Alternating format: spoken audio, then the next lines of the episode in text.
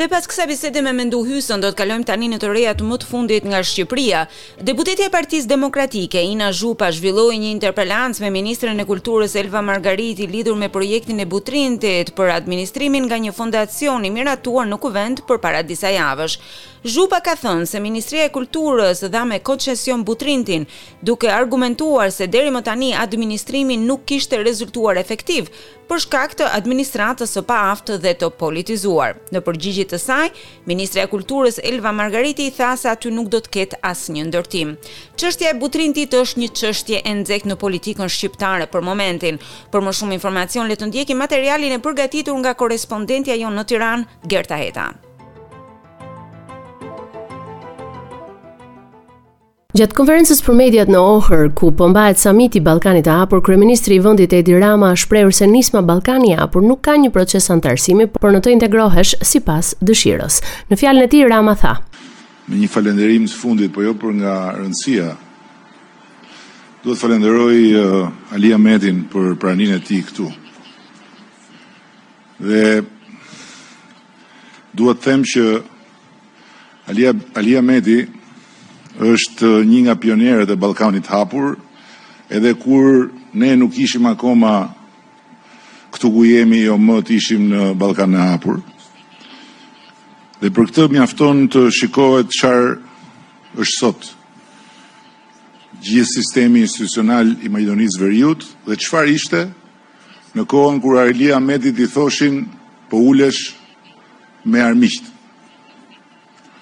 Me armiqtë që ishin në të njëjtën rrugicë dhe që ndajnë së bashku qiellin dhe tokën e këtij shteti, i cili është një shtet i ndërtuar nga dy popullsi shtetformuese, maqedonasit dhe shqiptarët.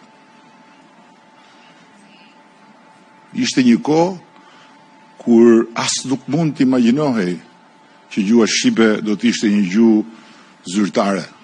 Lëre pastaj të imagjinoje që kryetari i parlamentit do ishte shqiptar, që dy zëvendëskryeministra do ishin shqiptar, që ku di unë sa ministra do ishin shqiptar dhe kështu me radhë.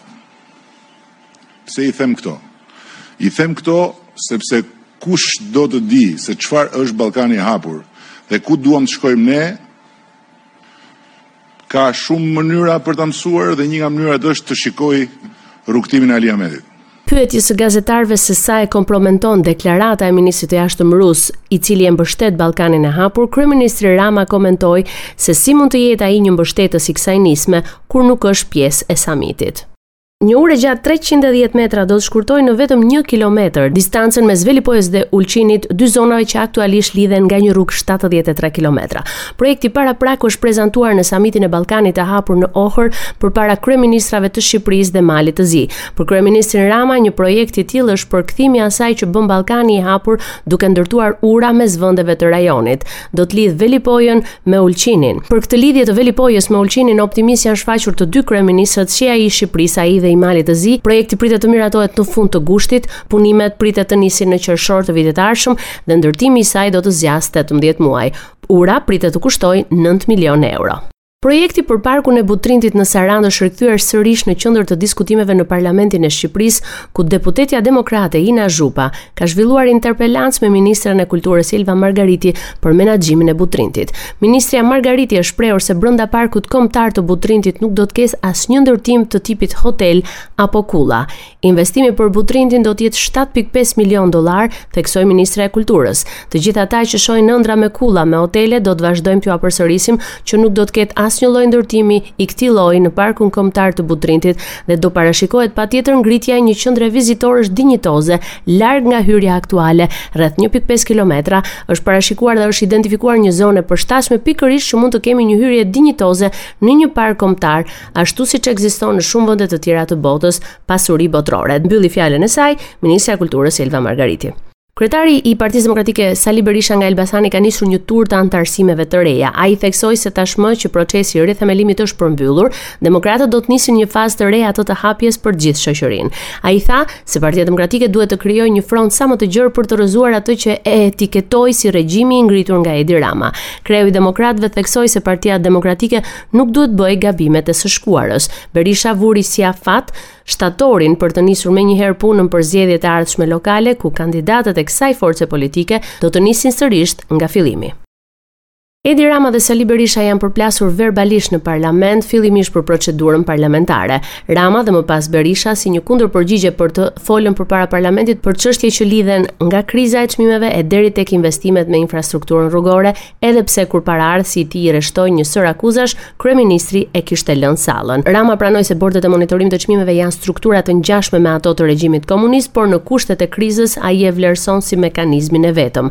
Akuzat e opozitës për çmimet më të larta të karburantit në rajon Rama nuk i mohon, por rreshton një sërë masash që ka marrë qeveria për të zbutur këtë krizë. Një çështje tjetër që prekën të dy dhe akuzuan njëri-tjetrin për abuzime është edhe segmenti Kardhiq-Delvinë.